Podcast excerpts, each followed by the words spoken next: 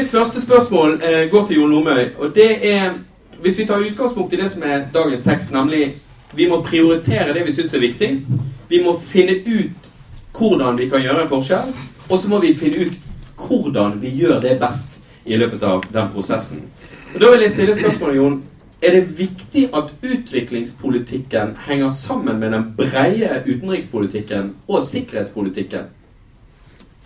Altså, det er jo et sånt uh, Det er veldig få spørsmål i i vår type debatt som egner seg som ja-nei-spørsmål. Men det er for så vidt ett. For, for, det kan man jo egentlig svare et veldig enkelt ja på. Og, uh, for, for, sånn, for, sånn, er det. Altså, i, I hvert fall i, i min virkelighet. Og i norsk virkelighet har det vel har det vært sånn en god stund. At vi har ment at det.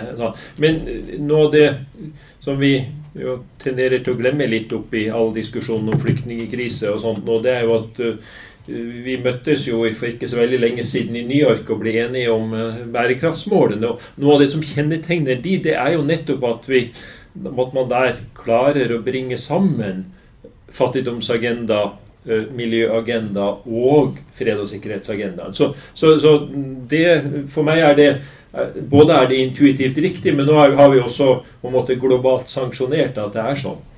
Eh, det, det, altså, jeg har en rare situasjon, og dette er en og en halv dag inn i ny jobb. Så jeg har fortsatt sånn, litt sånn på skrå en OECD-hatt på, på, hodet. og Så har jeg en, så, så jeg er litt sånn i en overgangsfase og ser Norge både litt utenfra og litt innenfra.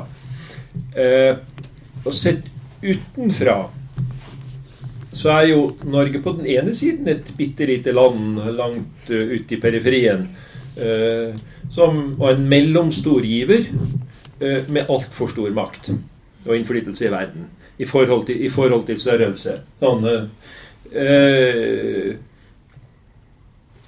og, det, og det, er jo, sånn, det, er jo, interessant å reflektere litt over i forhold til det, det egentlige spørsmålet på, på, på dagsordenen i dag.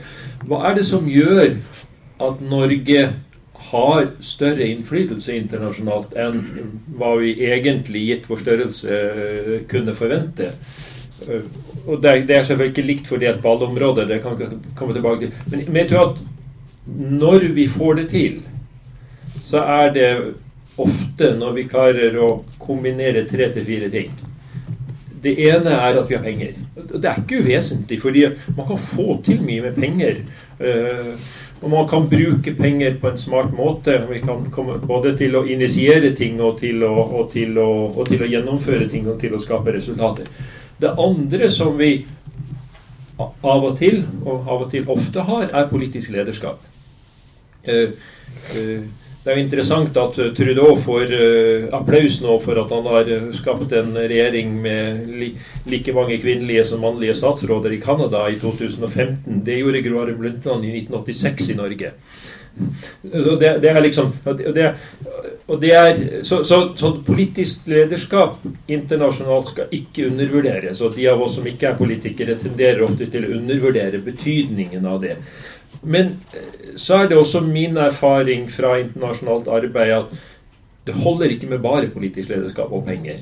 Du må også ha et apparat under. altså Du må ha noen gode fagfolk som kan hjelpe politikerne til å formulere de budskap som eh, de må komme med, og som kan følge opp og være med i internasjonale forhandlinger og internasjonale diskusjoner. Og så de tre tror jeg er nødvendig over tid. Og så er det en fjerde som hjelper veldig mye. Og det er hvis, hvis vi som land har legitimitet fordi vi har fått til noe på det området sjøl.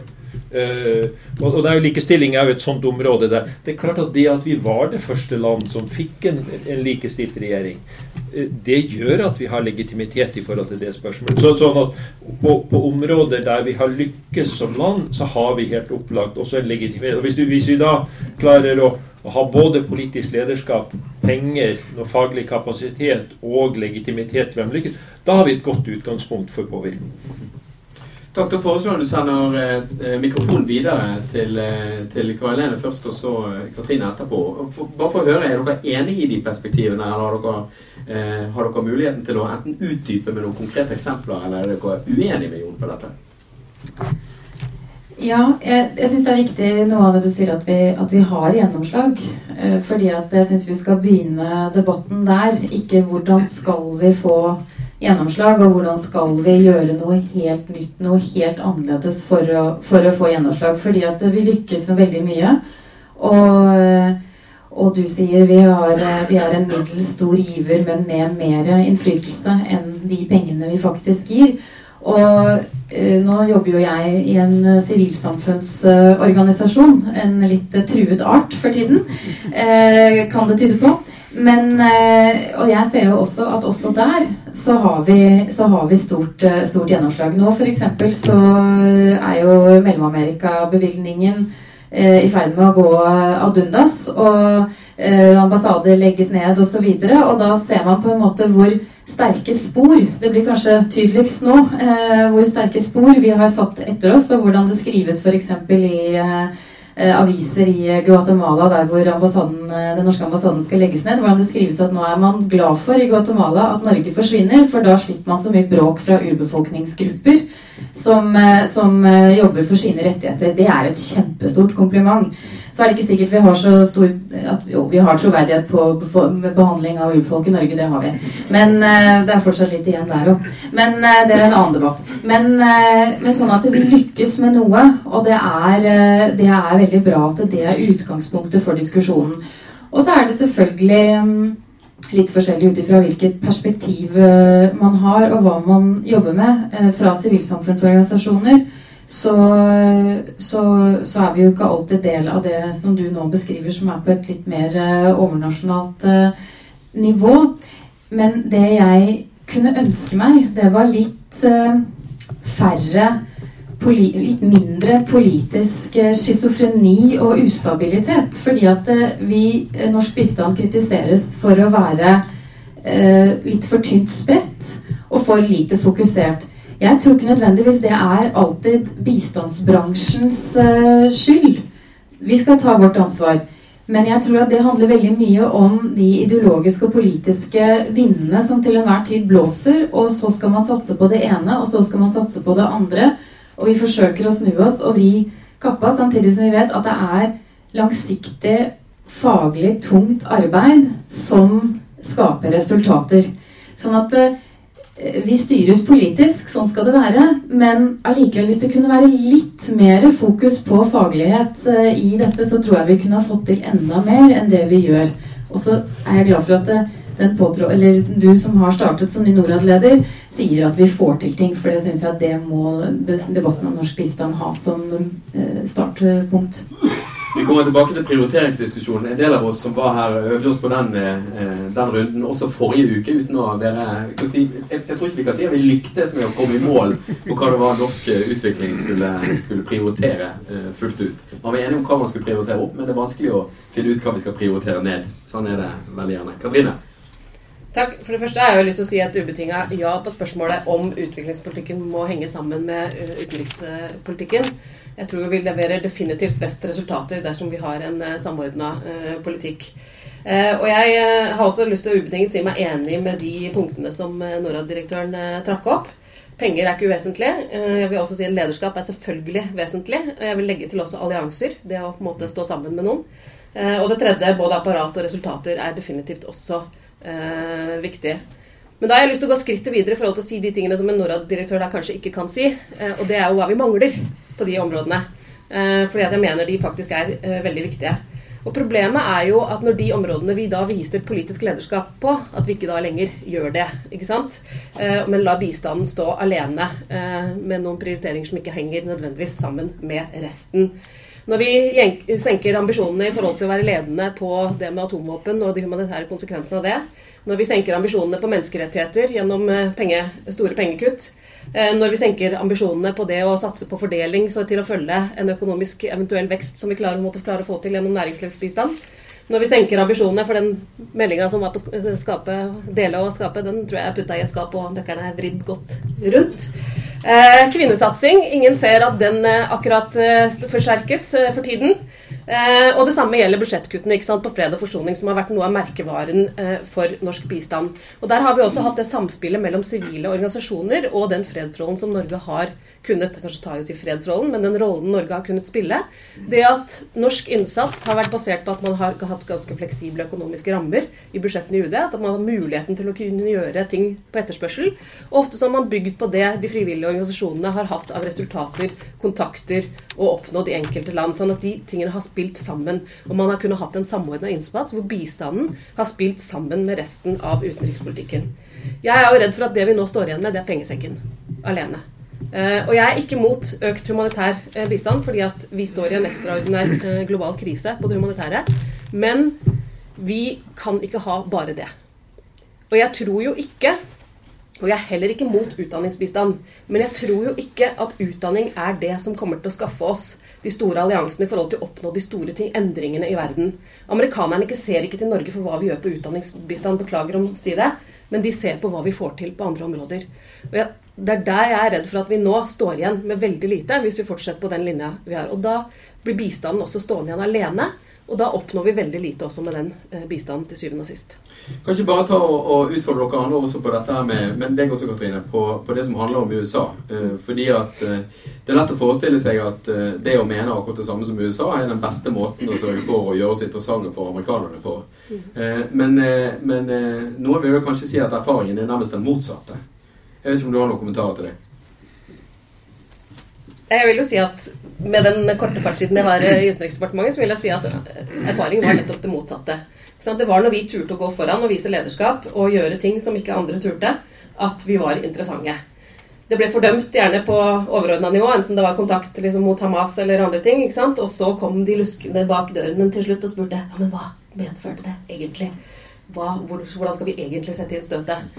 Så det er noe med at den det man opparbeider eh, gjennom å gjøre eh, ting som kanskje noen ganger bryter litt med konvensjonene, eh, gjør at du også er interessant. Det at du ser, viser at du også kan gå foran og få til ting, det er klart det er mer interessant enn det som alle andre eh, gjør. Det gjør oss jo ikke spesielle, og gjør oss jo ikke at vi på en måte kan ha noen lederrolle. Kommentar til dette for dere andre?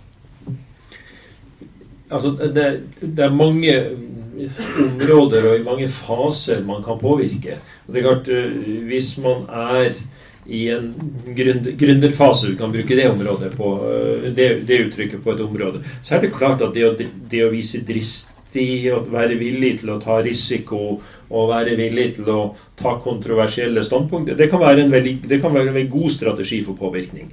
Uh, I andre faser så, så, er, så, er, ikke det nødvendigvis uh, det mest, den mest fornuftige rollen. Hvis man mer skal støtte opp under en prosess som er godt i gang. Godt i gang. Så, så jeg, tror, jeg, tror, eh, noe av det det er klokt å unngå, det er sånn enkle generaliseringer rundt uh, hvordan roller skal spille, og hvilke roller som det, som det er mulig å spille, og som Norge kan samspillet. og at hvis, hvis, vi skal utøve påvirkning i forhold til uh, internasjonale prosesser og, og situasjoner i, i, enkeltland, så må vi ha veldig sånn, så må vi også ha veldig god situasjonsforståelse og være i stand til å tilpasse oss der og da og innta den rollen både i forhold til land og i forhold til andre internasjonale aktører. Og av og til kan det klart være sånn at det å, det å være villig til å gjøre ting som andre ikke, av ulike grunner ikke tør, Eh, eller kan, det kan være for, ja, eh, men, det, men, det, vil være veldig varsom å gjøre det til en sånn generell norsk hovedstrategi og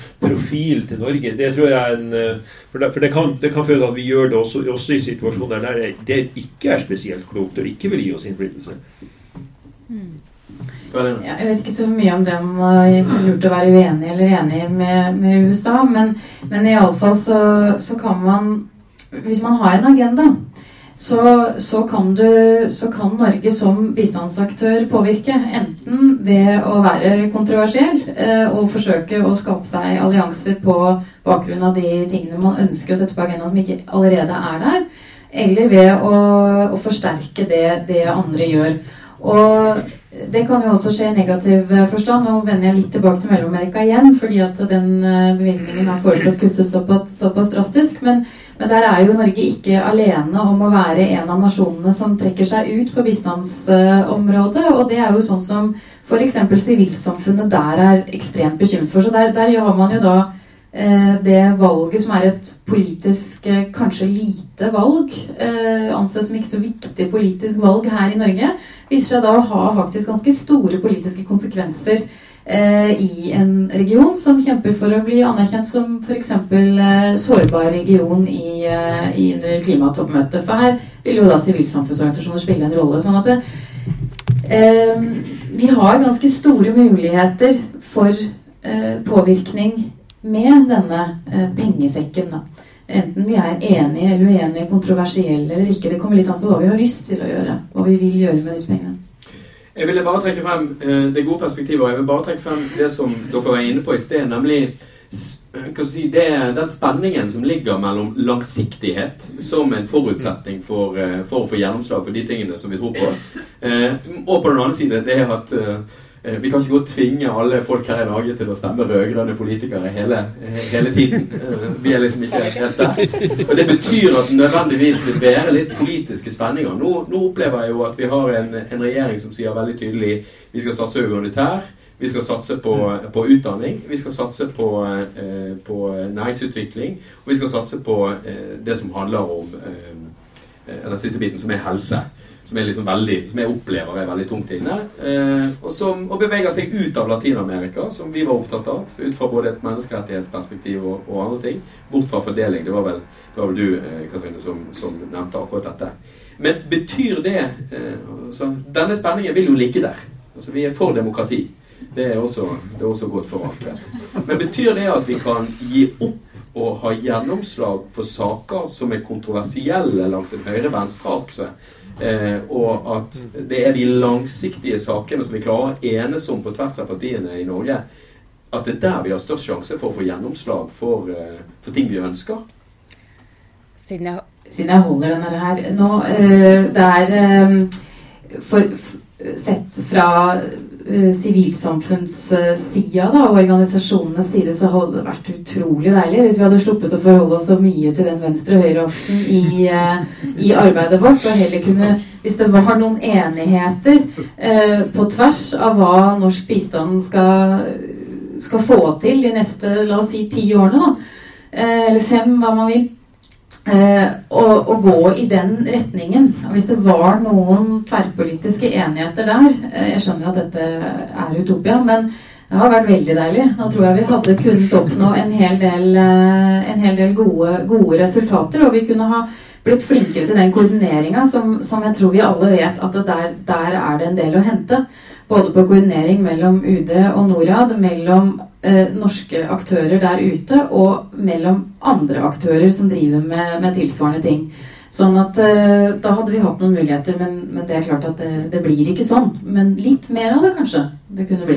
Litt mer forutsigbarhet. Det blir også litt kjedeligere da, gjør ikke det det? Men, altså, vi må jo passe oss for at vi ikke med akkurat den situa konkrete situasjonen vi har nå, med en ekstraordinær budsjettsituasjon, tegner et bilde av norsk utviklingssamarbeid som veldig flyktig og kortsiktig, og som hopper rundt. For det er jo ikke virkeligheten.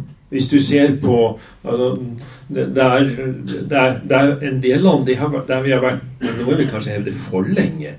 Til og med. Altså, så det er, jo ikke sånn at vi har hoppa rundt hele tiden. Det er jo faktisk sånn at det er, en del veldig lange, stabile trender der vi kanskje har nølt for lenge med å avslutte. Eh, så, så, eh, og så er det noen, store, noen, noen, viktige dreininger som har skjedd. Men, men det er eh, jeg, jeg tror, må, og, og, vi må jo passe oss for at vi ikke, ikke går inn i en argumentasjon der, der på en måte endring blir umulig. Eller endring bare blir mulig dersom vi får, hele tiden får mye mer penger. For det er jo sånn, altså nå, Hvis jeg nå går, går, går tilbake til min, min gammelhatt, så er jo altså verdens bistandskake er omtrent konstant. 135 milliarder dollar per år. Det betyr at enhver opprioritering av noe er en nedprioritering av noe annet. Sånn er det. Og det er ikke og, og, og vel, Vi har jo nå hatt en veldig rask opptrapping også, også av norsk bistand. Delvis pga. opp mot 1, 1 %-målsettinga, og delvis pga. en veldig høy økonomisk vekst i Norge. Begge deler, altså 1 %-opptrapping er fullført. Vi har ikke lenger høy økonomisk vekst. Så Det betyr at, at selv om øh, også dagens regjering har en 1 %-målsetting, altså man lever opp til den, så, som er unikt nesten i internasjonal sammenheng, så, så, vil det jo være sånn at det å prioritere opp noe betyr å prioritere ned noe annet. Og Det betyr at vi må ha en kapasitet til å avslutte. Vi må være villige til å ta noen vanskelige valg og si at ja, dette er også viktig å drive på med, men fordi vi ønsker å gjøre noe annet, og gjøre mer på noe annet, så er vi ikke i stand til å fortsette. Så, så jeg, Det er vel noe som har slått meg litt når jeg har eh, sånn fra utsiden sett den norske debatten nå, at det, det, er kanskje det, det, blir en veldig defensiv debatt nå. og Det er, det er, er for så vidt forståelig i den ekstrem, det er ikke noe kritikk men i den ekstremsituasjonen man har, man har nå. Men, men, hvis vi skal ha en litt mer langsiktig debatt om endring, så må vi også eh, få en debatt der det er mm, der det er mulig å kutte noe og redusere noe og avslutte noe for å skape rom for å gjøre andre ting. Og så raskt som utviklingsagendaen endrer seg, så tror jeg at det vil være helt nødvendig hvis vi skal klare å være i forkant.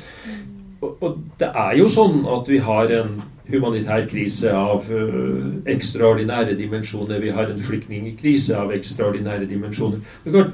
Det å Eh, finansiere det. og Da snakker jeg ikke primært om de som kommer til Norge, men det å finansiere de internasjonalt. Det er klart det koster penger i en situasjon der internasjonal bistand totalt sett er stabil. Så vil det gå på bekostning av noe. og Det betyr at det, det er ting som vil måtte avsluttes. Men også det er en det begynner jo nå det, det, Den viktige diskusjonen for meg i hvert fall om det, det er hvordan klarer vi nå å huske på at vi ble enige om noe i Addis og New York, eh, når vi nå også eh, begynner, er nødt for å takle situasjonen i Syria og, og i Midtøsten. Og klare å ha, noen av, ha to tanker i hodet samtidig. At det er Vi må, vi må ikke risikere å slutt, vi må ikke slutte å snakke om og slutte å fokusere på at det er en langsiktig utviklingsagenda, og at dersom vi skal nå det målet vi satte oss i september om å bringe utrydde absolutt fattigdom i 2030, så krever det også en videreføring og fortsettelse av de innsatsene. Katrine, du var innom dette med langsiktighet og kortsiktighet tidligere. Ja, bare uh, Jeg tror jo det er en stor fordel at både verden og Norge har noen satsinger som man er enig i, og som man kan levere resultater på. ikke sant? Uh, bærekraftsmålene. Uh, at man har også noen satsinger i Norge, enten det er vaksiner eller andre, som man kan vise resultater på, og som man står sammen om, og som det er en viss stabilitet rundt. men jeg er nok litt mindre kanskje opptatt av den stabiliteten, da særlig kanskje også for sivilsamfunnet, selv om jeg tilhører det selv. fordi jeg tenker at hvis det er noen land som er viktig for norsk utenrikspolitikk, og dermed også kanskje forhåpentligvis hvert for norsk bistand, så har de landene forskjellige behov. De har helt ulike behov ofte i forhold til hva slags type eh, satsinger de eh, trenger. Eh, og i mitt hode så var det sånn at når regjeringen da tenkte at de skulle satse på noen fokusland for norsk bistand, så var det etter en, analyse, en, etter en analyse av nettopp hva trenger de landene. Hvor er det Norge kan bidra? Hva er det vi har å bidra med av kunnskap og ressurser? Hvor vi kan satse inn i de fokuslandene med det vi kan eh, best, og det de har behov for. Eh, og da mener jeg at da klarer ikke jeg å se at det å bare satse litt mer på utdanning, det å bare satse litt mer på helse, at det er en strategi som er bærekraftig i forhold til å faktisk kunne, kunne løfte de fokuslandene og gjøre noe helhetlig rundt både bistand og utenrikspolitikk rundt de eh, landene. Og Derfor så tenker jeg at det må være en fleksibilitet og en balanse her i forhold til hva er behovene, og de utvikler seg også uh, over tid. Og da må man se på hvordan kan sivilsamfunnet spille inn, hvordan kan næringslivet spille inn, hvordan kan man Ja. Og selv noen av de leveransene som vi får, altså enten det er helse, altså vaksinesatsinger, uh, selv de kommer til et punkt hvor man må begynne å stille seg spørsmålet er det nå på tide å se på om landene for å få dette til å være bærekraftig, er nødt til å se på hvordan de bringer dette videre selv. Og da er man plutselig også over i politikkens verden. ikke sant? Hva er det offentlig satsing på helsevesen? Hvordan bærer man dette videre? Alt kommer til et visst punkt, og så er det også et spørsmål til en viss grad om eh, politikk. Det er jeg helt enig i. og eh, Det som vel er, det som vel, det leder meg over til et, eh, et spørsmål. fordi at eh, Vi har jo hatt en dreining i utviklingspolitikken der bistandspengene i større grad går gjennom multilaterale eh, organisasjoner og gjennom globale satsinger. Eh, og der, der vi har hatt en større og større grad av tematisk satsing i de enkelte land. Eh, der vi sier nå er vi gode på energi, så vi vil gjerne, vi vil gjerne gå til de ulike land og si er dere sikre på at dere ikke har eh, behov for vår energibistand? Eller vi eh, støtter vaksiner. Er dere sikre på at dere ikke har behov for vaksinebistand? Eller for den saks skyld på utdanning nå, da, der alt innenfor likestilling eller andre ting går, går på den måten. Og si ja, du kan godt få penger til, til humanitær hjelp eller til likestillingsarbeid, men da må du også gå til utdanning, og særlig for jenter er, er, spørs, spørsmålet mitt er da er det, den dreiningen i retning av mer multilaterale organisasjoner er det, en, er det en styrke? Vil du si at det øker sjansen for Eller vil dere si at dette øker sjansen for å få gjennomslag for det vi har av uh, nasjonale målsetninger? Eller er det bedre å satse i det enkelte land? Og gjerne da mer, sånn som du sier, Katrine, på det enkelte lands premisser og det det enkelte land ser på som sine, uh, som sine behov? Skal jeg du, kan få, du, du, kan få lov til å starte. Du kan få lov til å starte. Debatter, så dette er jo alltid spennende på sånn metanivå, men de er jo enda mer spennende når du trekker inn konkrete eksempler eh, som du sjøl har jobbet sammen med. Eller jobbet med. Ja, jeg, jeg, tror også her er det jo ingen, heller ingen enkle oppskrifter eller én måte eh, å gå på. Jeg tror jo at uh, ofte så kan de multilaterale organisasjonene bidra med ting som annen bistand ikke kan. Uh, men samtidig så tror jeg det er noen ting som jeg tror vi skal slite med å se resultater på, sånn som verden er i dag. Jeg tror at på demokratiområdet, uh, på likestilling og kvinner osv så sliter vi nå med å komme videre på den globale arenaen i forhold til både normgivning og i forhold til på en måte å satse nok på de eh, områdene. Det ser vi på bærekraftsmålene f.eks. Altså, det er ingenting på demokrati der som jeg tenker er eh, viktig. Det er vi nødt til å jobbe med fortsatt. Det er en verdi for oss. Det er en viktig satsing.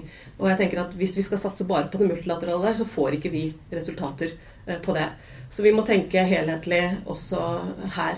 Eh, og du spurte om noen eksempler. altså hvis jeg skal trekke fram et eksempel som jeg tror på en måte illustrerer noe av det jeg har forsøkt å få fram i forhold til sammenhengen både mellom utenrikspolitikk og bistand, så kanskje jeg har lyst til å trekke fram Myanmar. Eh, det var et land hvor eh, bl.a.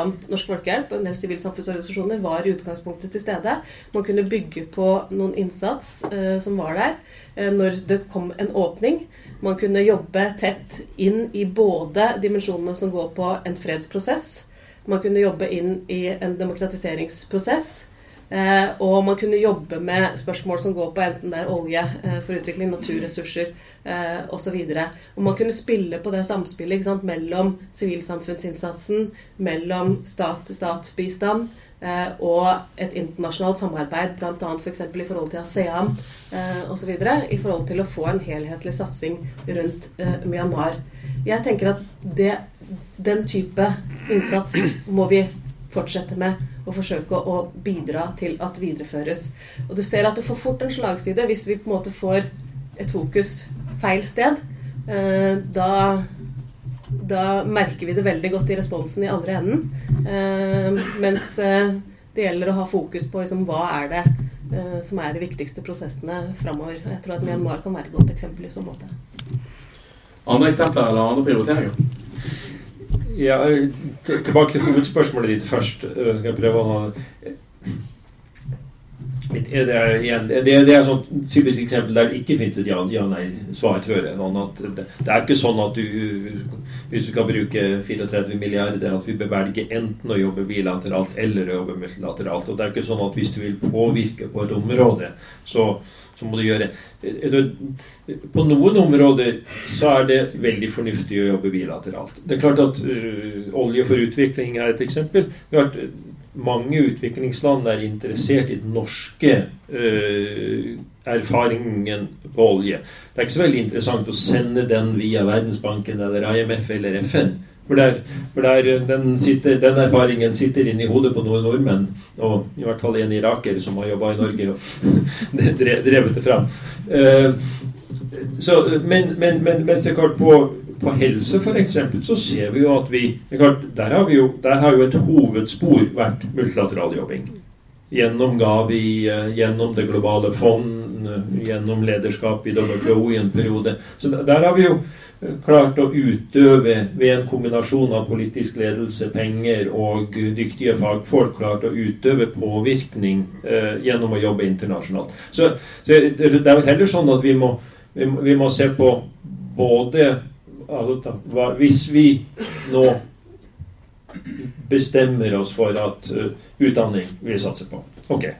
Hvis vi så har uh, fem eller ti milliarder kroner som vi eh, da prioriterer til å bruke til det. Og, og det er behov for Det vil ikke være noe problem, vil jeg si som leder for fagetat for norsk utvikling, å bruke 34 milliarder fornuftig på utdanning i verden og skape gode resultater for alle de 34 milliarder. Altså, der, der er et eller annet med størrelsesordenen igjen. at Vi må ikke glemme at hvis vi sammenligner oss med altså i forhold til verden og behovene ute her, så er, så er jo våre ressurser relativt begrensa. Sånn at eh, det er fullt ut mulig å bruke de fornuftig på ett område. Det er ikke fornuftig for Norge å gjøre, men det er sånn, vi må liksom igjen ikke ha en diskusjon med utgangspunkt i at det blir en Å fordi vi bruker 20 eh, av vår bistand på et område, så blir det en overfinansiering av det. Det kommer det ikke til å bli pga. Norsk, på grunn av norsk bistand. Til det er vi altfor alt små.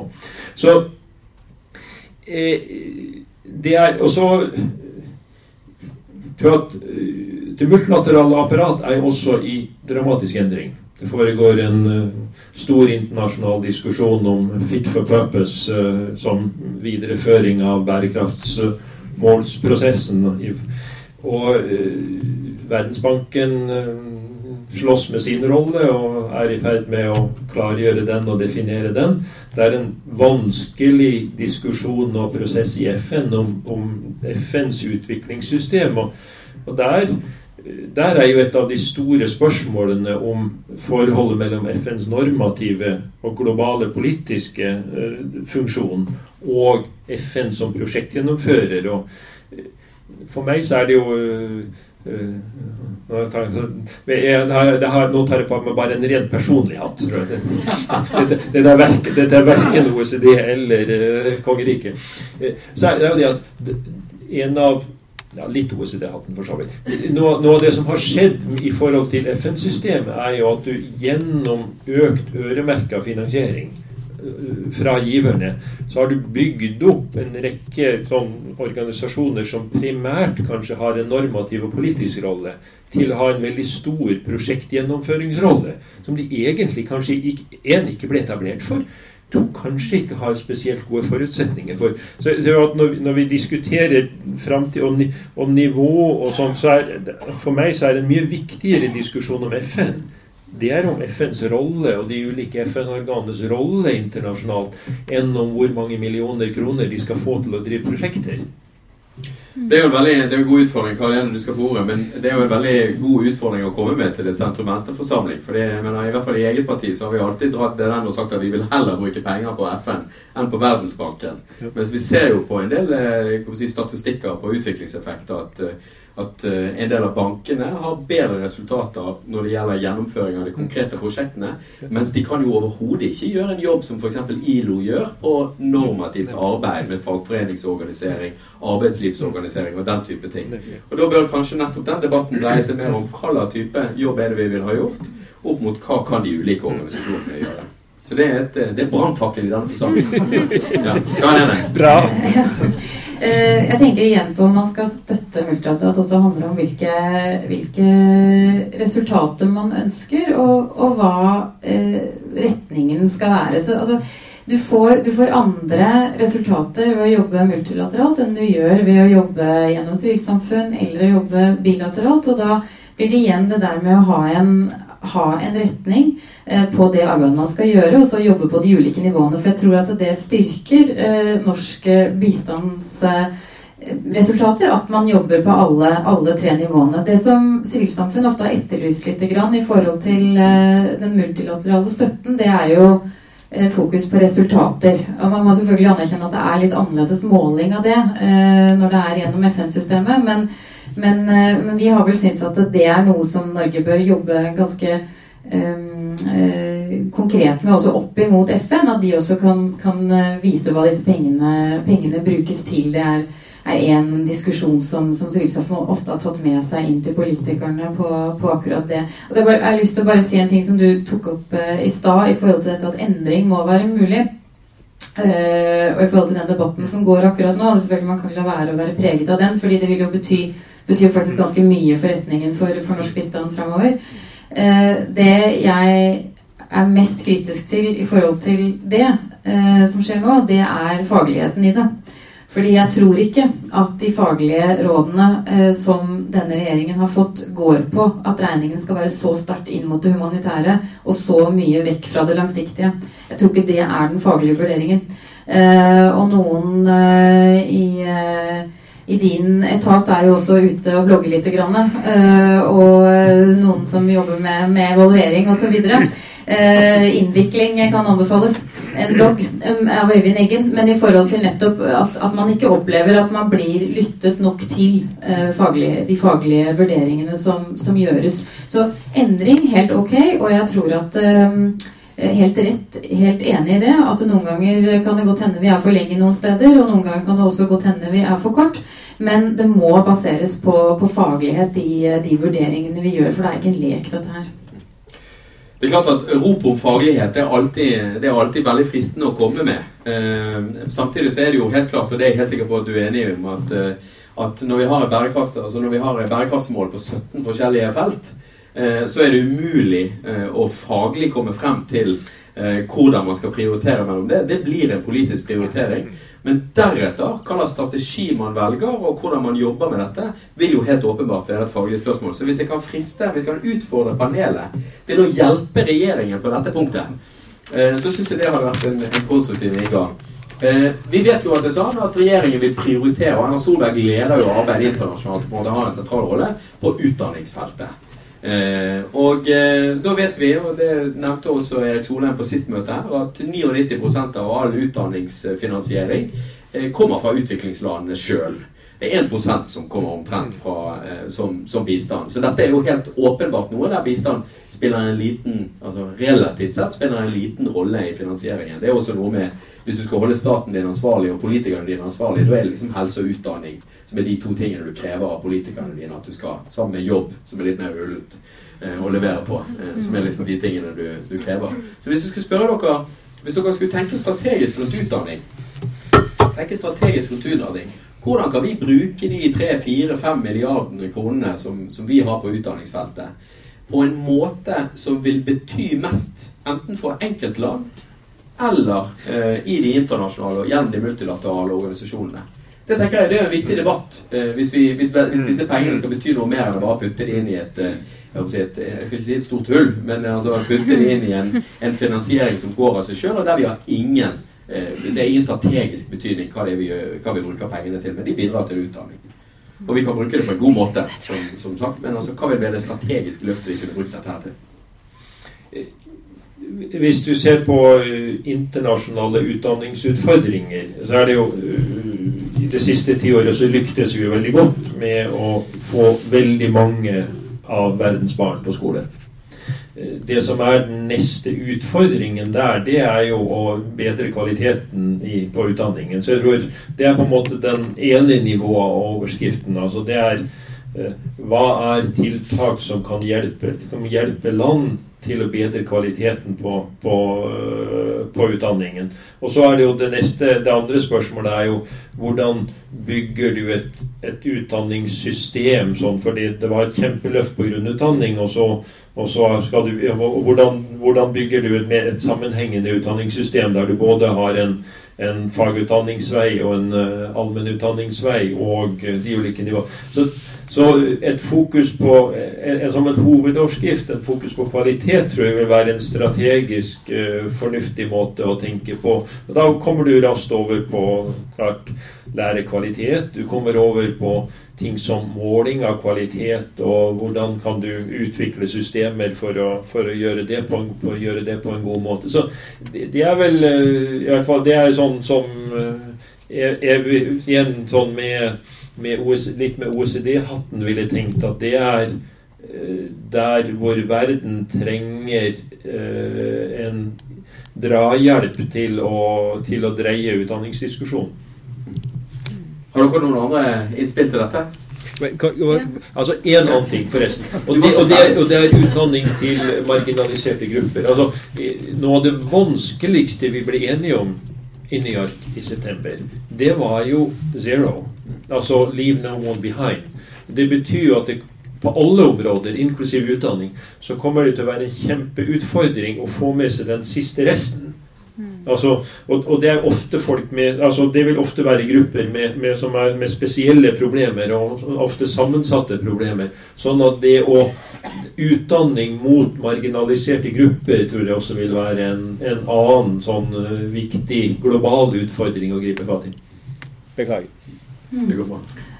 Uh, ja det som man ser uh, når det gjelder eh, de aller fattigste områdene, og hvis du ser på de aller mest sårbare gruppene i de fokuslandene som Norge har nå, så er det jo ikke bare det å komme seg på skolen og ha en skole å gå til. Det kan være en utfordring i seg selv, men det er ikke bare det. Det er tar du til deg læring, får du noe ut av det, er det selvfølgelig, som du sier, god nok kvalitet på, på lærerne og, og, på skolen. Men det er jo altså, disse menneskene vi nå snakker om, som er målgruppa for norsk bistand, de er utsatt for klimakriser. Det er genuine sultkatastrofer både i Mellom-Amerika, i uh, Sahel-området nå. Det er tørke, og det er flom i, uh, i, Malawi. Og i Nepal så har det vært et uh, jordskjelv, og der så ser man og, også allerede før det så er det feilernæring som er faktisk en ganske stor utfordring. Og dette, er, dette, handler selvfølgelig om mat, og det handler om helse, og det handler om sunne barn, men det handler også om å ta til seg læring. Så dette er også en situasjon som jeg opplever at uh, vi ikke ser klart nok, og hvor uh, man sammen med landene og regionene og områdene man opererer i, kan gjøre en mye større forskjell og kan bruke noen midler til å pushe på for å få det høyere opp på agendaen. Vi har f.eks. en eh, samarbeidsavtale med Den afrikanske union som er inngått, som ikke er, eh, så vidt jeg vet, fylt med innhold enda.